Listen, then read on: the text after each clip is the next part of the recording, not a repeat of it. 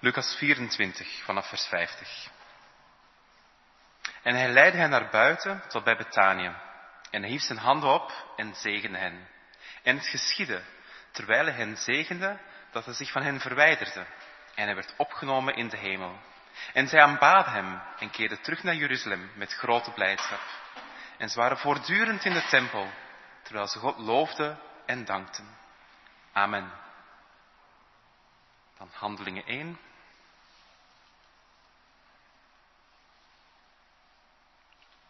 Beginnend vanaf vers 4.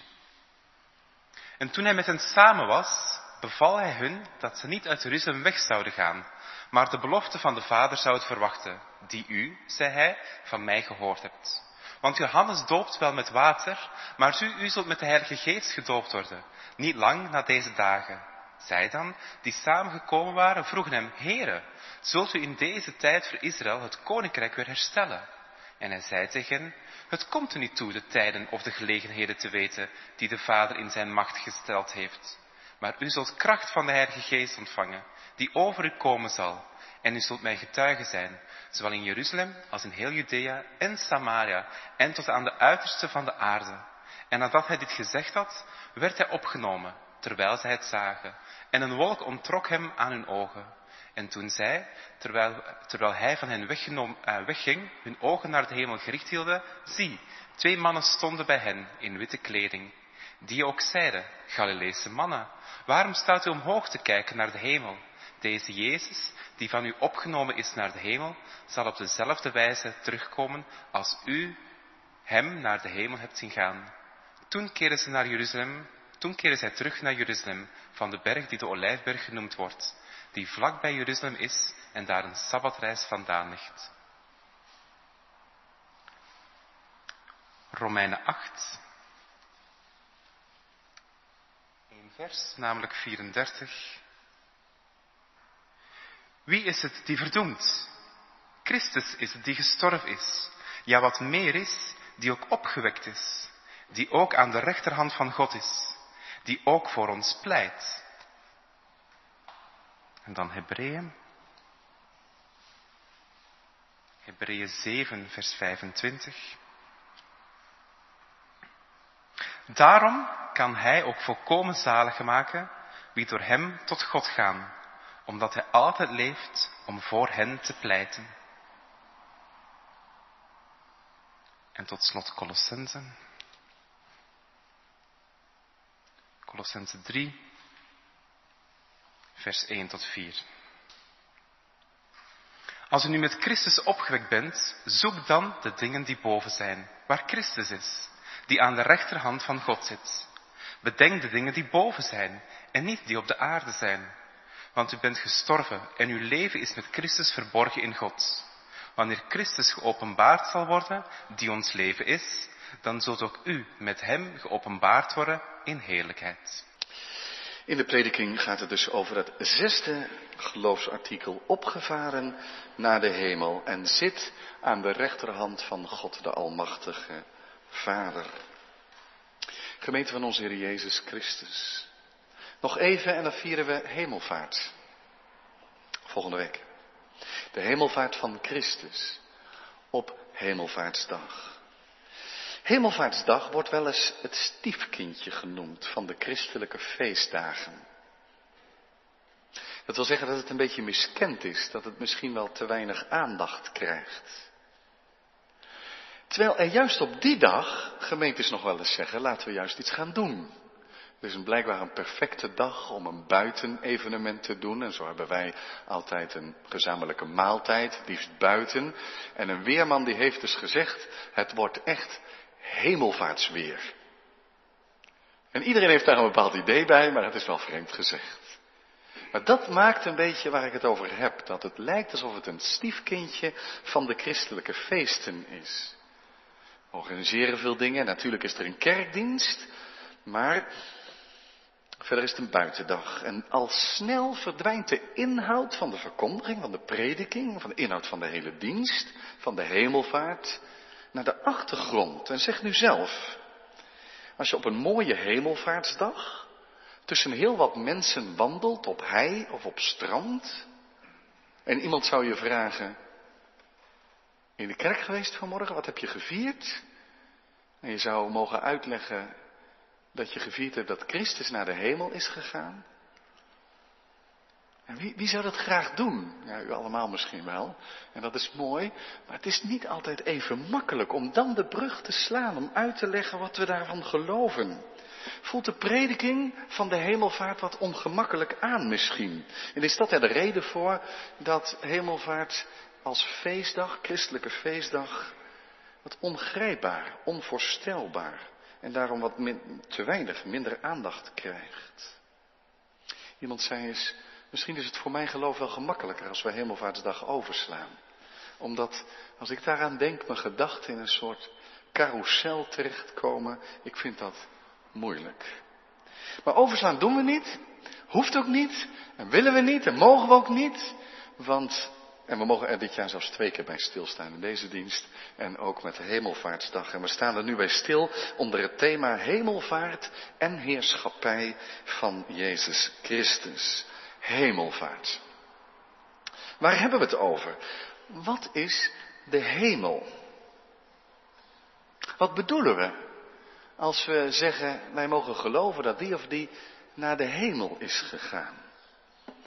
Vroeger hadden de mensen het misschien gemakkelijker. Wat wisten zij van het immense heelal? Gewoon naar boven wijzen, dat is genoeg. De hemel, dat is daar, waar God woont, boven de sterren. En wij kunnen dat op die manier moeilijk doen. Wij weten dat als de mensen in Australië ook naar boven wijzen, ze precies de andere kant uitwijzen. De aarde, zo hebben we zo langzamerhand geleerd, is een speldenknopje, zo niet speldenprikje in een immens heelal. Je hoeft maar een beetje met de ruimtevaart bezig te zijn of de kosmos over na te denken, het heelal en je gedachten die, die krijgen het er moeilijk mee. Het is zo eindeloos. Was dat niet die eerste rust die de ruimte in ging, die, die, die zei, ik ben al in de ruimte geweest, maar ik heb God niet gezien. Dat gevoel. Je zou bijna zeggen, hadden we nou maar vroeger geleefd? En dan kunnen we concluderen dat het vroeger misschien makkelijker is dan vandaag de dag. Vroeger, toen geloven nog heel gewoon was. Maar ik denk het toch niet. Dat we niet te klein denken over de Heilige Geest. De geest leert geloven. En weet ook met onze tijd prima raad. Bovendien juist, laten we het van de andere kant bekijken, nu we niet meer zo plat over de aarde denken, krijgen we nog meer dan vroeger oog voor de grootheid van God en de onbevattelijkheid van God. En moeten we misschien trouwens, het Oude Testament is daar ook al vol van, van het stamelen en van het zoeken naar woorden en het gebruiken van beelden om die grote dingen van God en van zijn koninkrijk iets wat onder woorden te brengen. Het is niet erg voor ons geloof en het is zelfs niet moeilijk voor ons geloof als we gaan stamelen. Als het ons haast te veel wordt, de grootheid en onbevattelijke rijkdom van God. Het is goed om te beseffen dat elk spreken over God stamelen is. En als Van Ruler, een theoloog die veel geschreven heeft, zeker ook over de twaalf artikelen, die zegt dan ergens als hij het over de hemel heeft, dan zijn er mensen die zeggen dat is uh, ongeschapen ruimte. Nou, dan zegt hij, Voordat je denkt dat het een hele rare gedachte is. Dat kan natuurlijk niet. Want de ruimte die ongeschapen is, dat is al een tegenstrijdigheid. Maar ik, en ik noem dat even om, om even onze, ons denken te prikkelen. Hij zegt dan, dat is natuurlijk wartaal. Maar je kunt nog beter die wartaal spreken. Die je nou eenmaal moet spreken. Neem het niet al te letterlijk wartaal. Maar taal die, die botst en wringt en tegen, tegenstrijdig klinkt. Omdat we het niet klein krijgen. Wat dat is, God en de hemel. Want het gaat veel erger als je op een gegeven moment zegt, ja, we kunnen er niet bij, het is maar symbolisch. Het is allemaal niet echt, het is gewoon symbolisch. En dat hele christelijke gedachtegoed is inspirerend genoeg. Die kant moet het niet uit. Dat gaat je ook niet redden en dat kan je niet troosten. En dan haalt hij van Ruler, een of andere professor van de Leeuw aan, die, die zegt, als je over de hemel vaart en over de hemel denkt, het is geen mythe. Mythe is een woord voor een prachtige, rijke gedachte, je voorstelling te boven, maar, het is niet echt. Een mythe. Maar zegt hij aan de andere kant, als je zegt we willen bijbelgetrouw zijn en we noemen het historisch? Prima, zegt hij dan. Als je maar bedenkt dat het de maat van onze geschiedenis ver te boven gaat wat hier gebeurt. Wat gebeurt er als Christus opstaat en reeds, je zou kunnen zeggen, toetreedt in het eeuwige leven? Dan is hij uit de tijd. Dan spreken we over heilsfeiten maar het is tegelijkertijd de maat van onze geschiedenis ver te boven. Daarom gebruikte hij van der Leeuw het woord, dat is natuurlijk uh, niet een echt Nederlands woord, maar hij had het over mythistorisch. Geen mythe. En onze historie te boven, het is een geheim. We staan hier op de grens van tijd en eeuwigheid. En wij staan aan deze kant. En dat is zo belangrijk om ons te beseffen. Wij zijn hier. Wij hebben onze limits. Wij leren over een God die wij niet kunnen bevatten. En de Heere God die zo rijk is. Een eeuwig God die geen begin en geen einde heeft. Heeft zich aan mensen geopenbaard. En met dat die eeuwige God zich aan mensen openbaart. Past hij zich in zekere zin ook aan. Aan ons bevattingsvermogen. En dan zegt hij, mijn oog ziet op u, God en een oog, hoe zit dat precies? En mijn rechterhand zal u redden. En, en dat is genoeg. Dan mag je je aan vastklampen. Zonder dat je daarmee direct denkt, oh maar dan snap ik het, God heeft een oog en een rechterhand. God past zich aan. Aan alle kanten, want hij is zo veel te bevattelijk. Te onbevattelijk voor ons. We kunnen hem niet grijpen. Dat moeten wij ook bedenken als we over de hemel spreken, begrijp me goed, dat betekent niet dat je God niet kan kennen. Hebben we daar een van de diepste geheimen rondom de menswording van Jezus Christus? Dat God ons zo nabij komt, kenbaar, sprekend, openbarend.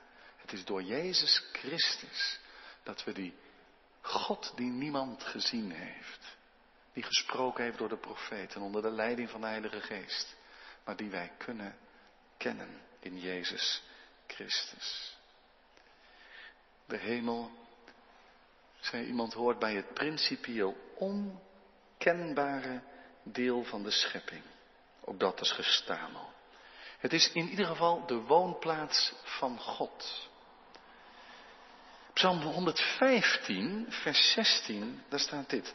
De hemel, de hemel is van de Heere maar de aarde heeft hij aan de mensenkinderen gegeven. En daar zit ook iets in, mens.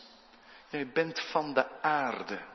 Je spreekt op de aarde over de hemel. Je spreekt op de aarde over een eeuwig God.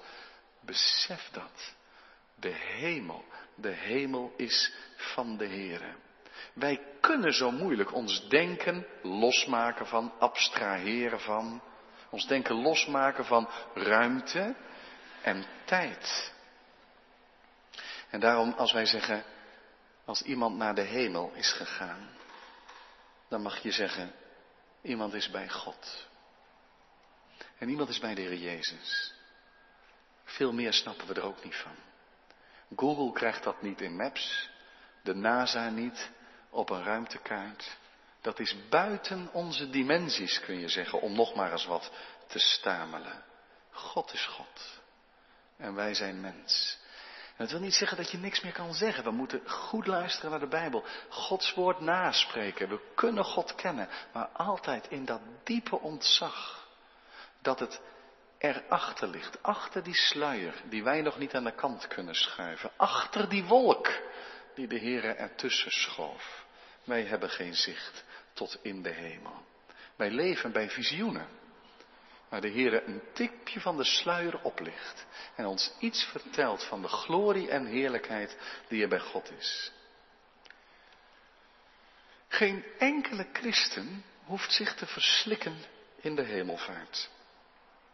Wie zich dan verslikt, omdat je zegt, maar dat kan toch niet, dat is zo onbevattelijk, die doet dat wel erg laat. Bedenk eerst eens dat Christus, Jezus Christus, God de Zoon in het menselijke vlees is. Dat is wat. Dat God mens geworden is. Dat Hij. De hemelvaart is niet het grootste. Dat de mens Jezus Christus, God en mens, teruggaat naar zijn vader, maar dat God de wereld binnenkomt, zijn eigen schepping, de menselijke natuur aanneemt. Dat is wat. En dat hij de dood is ingegaan en de dood heeft overwonnen en is opgestaan. En toen hij is opgestaan, dat brengt ons al heel dicht bij de hemelvaart, toen is hij ingegaan in het eeuwige leven. Ik stipte dat zojuist al heel even aan. Hij ging de heerlijkheid van God binnen en hij verscheen veertig dagen lang. Maar het waren altijd weer momenten. En dan kun je natuurlijk, en het valt mij wel eens op dat die vraag wel weinig wordt gesteld, dan kun je je vragen, maar waar at de Heer Jezus dan tussendoor? En waar sliep hij tussendoor dan? Maar dat zijn vragen die niet meer aan de orde zijn, omdat hij al bij God is, omdat hij niet opgestaan is in dit aardse vergankelijke leven, maar als het ware aan de andere kant van dood. We hebben het daarover gehad bij de opstanding. Hij is reeds opgestaan in het eeuwige leven. Nu als je dat bedenkt en dan verder gaat, wat is dan de hemelvaart? Waarom was dat nodig? Dat hij daar naar de olijfberg ging en zijn zegenende handen liet zien en dat ze hem zagen gaan. Waar was dat goed voor dan? Nu, dat was zijn laatste verschijning. Dat was zijn laatste verschijning, een afscheid van de discipelen. Lucas 24, onze eerste schriftlezing, die zegt dat hij zegenend naar de hemel ging. En het laatste wat ze van hem zagen waren zegenende handen. Dat heeft betekenis. Misschien dat de zon er wel doorheen scheen. Door de gaten in zijn handen, wie zal het zeggen? Zegenend vanuit zijn volbrachte werk aan het kruis. Denk zo aan mij. Zo moeten we aan hem denken, de zegenende hoge priester. En handelingen 1 staat er terwijl zij het zagen. Terwijl zij het zagen. Niet omdat de hemelvaart niet anders had plaats kunnen, kunnen hebben maar omdat zij het nodig hadden. Dat ze het zagen, omdat het afscheid er zou zijn. En zij vervolgens naar Jeruzalem zouden gaan. Om daar te bidden. Te bidden om de belofte. Om de Heilige Geest. En daarom zegt de apostel Paulus, het is belangrijk. Heel belangrijk om te zien dat wij Christus wel kennen. Maar wij kennen Hem niet meer naar het vlees, zegt hij. Dat is belangrijk. We hebben hem niet meer bij ons. Het was niet meer zoals toen, maar wij herkennen hem in de geest. We kennen hem niet naar het vlees, maar op een andere manier. En, dan lezen we de evangelie. Maar hoe kennen wij Jezus Christus? Omdat de Heilige Geest in ons werkt en we hem lief hebben. Dat is de manier waarop op wij de Heer Jezus Christus kennen. En daar heb je ook iets van de zin en zegen van de hemelvaart van Christus. Hij zegt, ik ga heen om uw plaats te bereiden. Maar wat is de hemelvaart dan? Wat heb je dan te vieren? Dat Christus met zijn volbrachte werk teruggaat. En eigenlijk zou je kunnen zeggen, met dat hij opgenomen wordt in de hemel, heb je nog eens een bevestiging van de Vader. Dat het werk volbracht is, dat zijn taak er op aarde op zit. Dat alles gedaan is wat nodig was om zondaar zalig te maken, om de koninkrijk van God te brengen en toekomst te geven. Daar leeft hij. Altijd om voor ons te bidden, te pleiten, zegt Romeinen 8 en Hebreeën 7. Hij pleit voor ons. Hij komt daar met zijn volbrachte werk en zegt, Vader, ik wil dat die bij mij zijn, die u mij gegeven hebt. Ik heb mijn leven voor hen gegeven. Heilig hen in uw naam. En vanuit die hemel heeft hij zijn geest uitgezonden. Hij zegt, het is nuttig voor u dat ik heen ga. Want dan zal ik de trooster, de heilige geest geven en die zal u in alle waarheid leiden.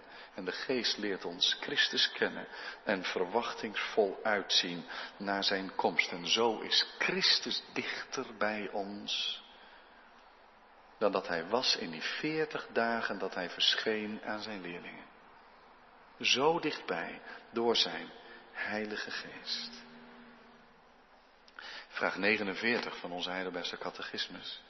Die zegt, wat, wat nut u dan de hemelvaart van Christus? En dan staat daar allereerst dat hij in de hemel onze voorspraak is voor het aangezicht van zijn Vader. Hij bidt voor ons. Wat een geweldige wetenschap. Als onze gebeden aan alle kanten tekortschieten. Als ons leven een aanklacht is tegen ons eigen gebed, hebben wij een voorspraak in de hemel. Daar gaan we straks, straks van zingen. Daar bij Gods hoogverheven troon is iemand die steeds voor mij pleit. Hij is volmaakt. Gods eigen zoon, een priester tot in eeuwigheid. Ja, hij is mijn gerechtigheid. Want zie, het lam is opgestaan. Hij troont als Heer der heerlijkheid, wiens liefde eeuwig zal bestaan. Onze voorspraak. Ten tweede, dat wij in Hem, ons vlees, ons lichaam, in de hemel hebben als een betrouwbaar onderpand. Dat Hij als het hoofd ons zijn leden ook tot zich zal nemen. Toen Hij naar de hemel ging, heeft Hij zijn menselijke natuur niet ingeleverd. Oh ja, als ik dat zeg, dan denk ik altijd, leg dat maar eens uit. En toch zeggen we het. Nergens staat dat Hij zijn mensheid afgelegd heeft. En dat is voor ons een beloftevol, een, een zekerheid. Dat als Christus reeds in Gods heerlijke toekomst is, dan zullen wij eens opstaan wie in Hem gelooft en in Zijn heerlijkheid delen. En ten derde dat Hij ons Zijn geest als tegenpand zendt. Een soort garantie. Door wiens kracht wij zoeken wat boven is, waar Christus zit aan de rechterhand van God en niet wat op aarde is. Wat is dat mooi, hè? Dat soort gedeeltes moet je nou eens gewoon eens een week ergens laten liggen en elke dag eens even doorlezen. Wat een rijkdom. Zicht op de Heer Jezus Christus. Wil je weten hoe het precies zit, die hemelvaart? Daarvan zeggen we, God schoof daar de wolk voor. Daar, daar kijk je tegen en je hoeft er niet achter te kijken. Maar God is daar. En Hij is groter dan wij kunnen bedenken. Wij moeten onze plaats weten. En onze plaats is de aarde. Waar de Heere dan zegt, als jij dan met Christus opgewekt bent, Colossense 1 vers 3, 3 vers 1, zoek de dingen die boven zijn. Zoek de dingen die boven zijn. Waar Christus is, aan de rechterhand van God.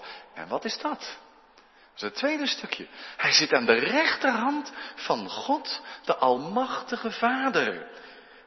Maar God heeft niet eens een rechterkant. Dan heb je weer hetzelfde. Het spreken over Gods rechterhand is beeldspraak. En tegelijk werkelijkheid. Het is zoeken naar woorden die wij iets of wat kunnen begrijpen.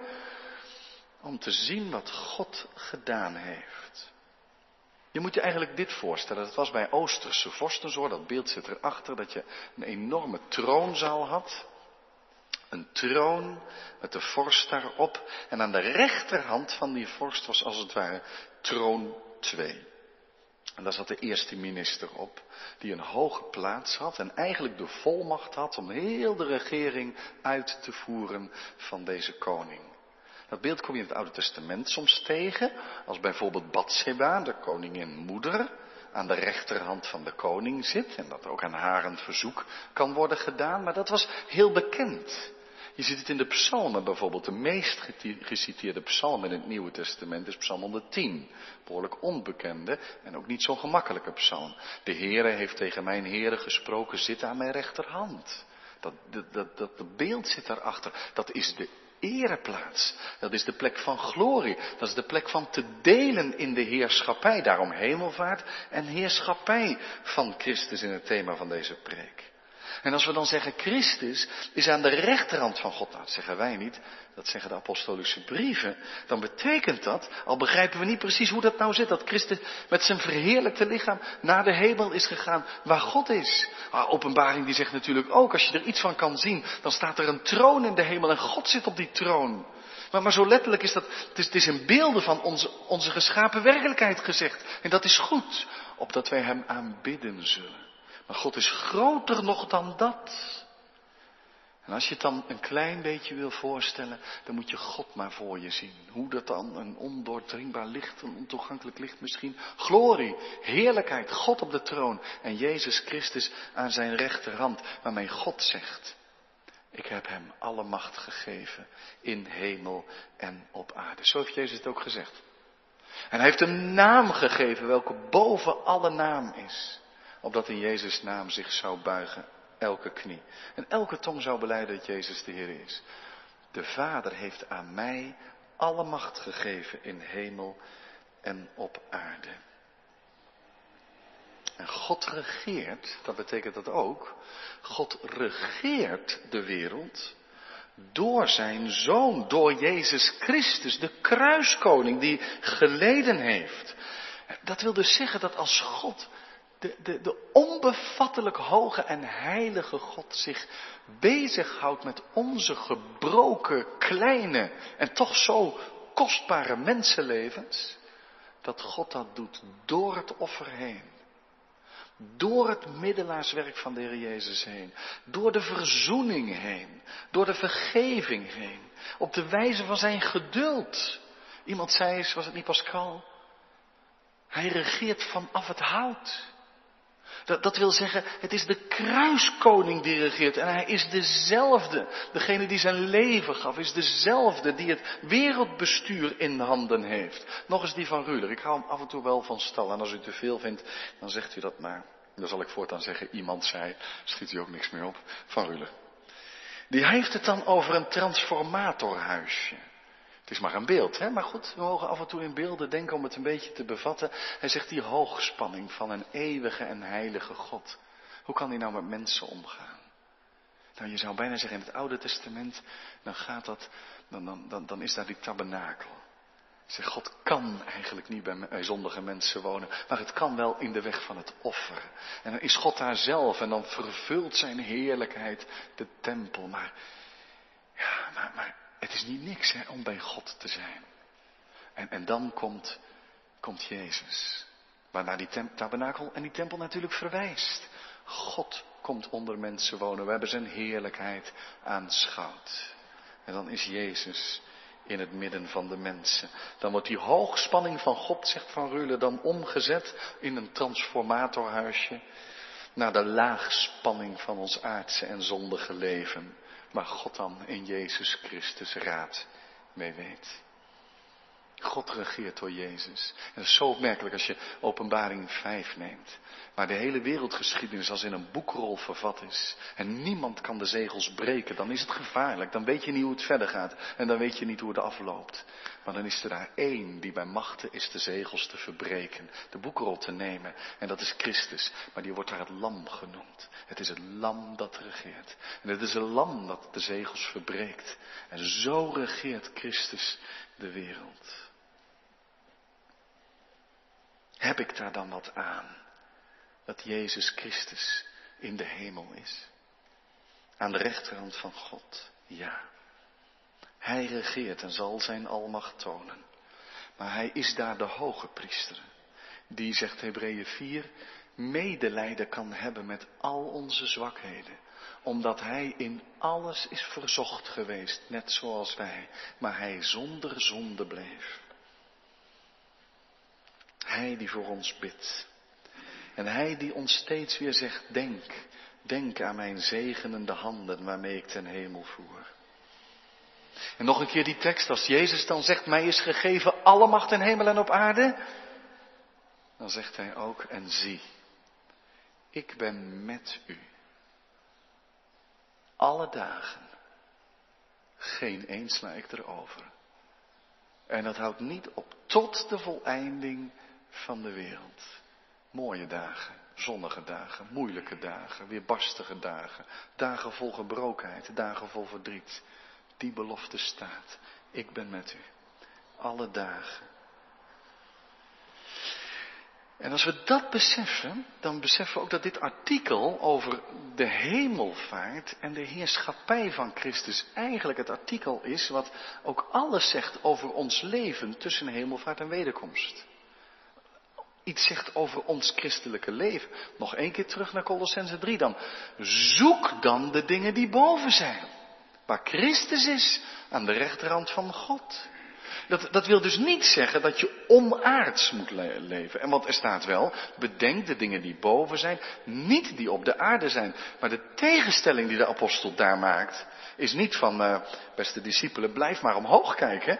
Blijf omhoog kijken, want, want dat is het christelijke leven, alleen maar omhoog kijken. Vergeet de aarde. Dat zegt de apostel niet. De apostel zegt, deze aarde met alle zondigheid gaat voorbij. Die aarde moet je niet bedenken. Daar moet je je zinnen niet op zetten. Maar zet je gedachten en je zinnen op Christus die in de hemel is. Daar is Hij met al zijn volbrachte werk. Denk aan Hem, dan denk je aan zijn koninkrijk op deze wereld. Dat denk je vooral aan zijn koninkrijk dat komen zal.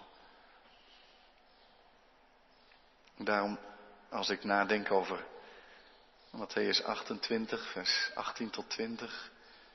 Mij is gegeven alle macht. En zie, ik ben met u alle dagen, daar staat één vers tussen. Een kernvers als het gaat om de tijd tussen hemelvaart en, en wederkomst. Ga dan heen. Dat is de beweging van deze tijd. Ga dan heen. Onderwijs alle volken. Maak alle volken tot mijn discipelen. Leer hen onderhouden alles wat ik u geboden heb in acht te nemen. En zo ben ik met u alle dagen. Maakt het dan verschil of je gelooft dat er een hemel is waar Christus is, onze middelaar, onze redder, die wij leren kennen vanuit het evangelie en door de Heilige Geest. Of dat je leeft alsof dit bestaan het enige is. Daar hoef ik geen antwoord meer op te geven, toch? En of dat verschil maakt over hoe je in het leven staat. Moet je het doen met de dingen van het hier en nu? Met een, een hemel dat, die er niet is en een toekomst dat er niet is en dood is dood?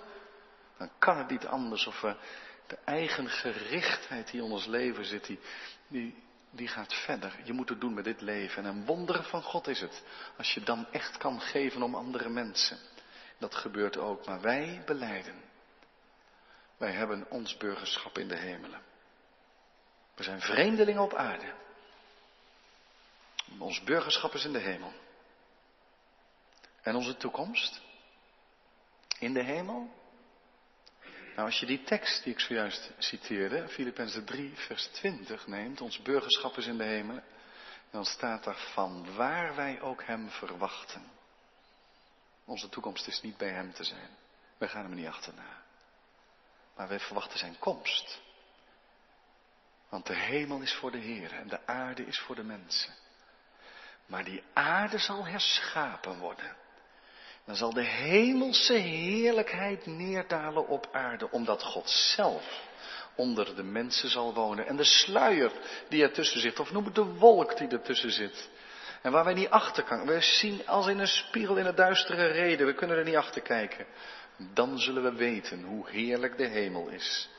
Je hoeft daar niet voor naar de hemel. God, God brengt de hemel hier. Dan zal het hemel zijn. Het leven met Hem. God zal alles zijn en in alle. Het is zo belangrijk dat we door het geloof aan Jezus Christus verbonden zijn. Hier ons leven mogen stellen in zijn dienst.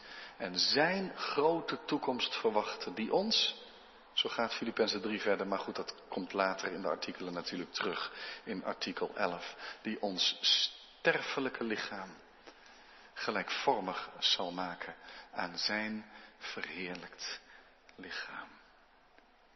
Door het geloof in Jezus Christus mogen we daarin delen. En wie het gelooft, heeft reeds hier dat eeuwige leven. En zo mogen we leven, zoekend de dingen die boven zijn. Dan zoeken we ook de vrede van de stad waar we wonen. En bidden we voor de stad en voor deze wereld. Maar onderweg zijn we naar zijn toekomst. Amen.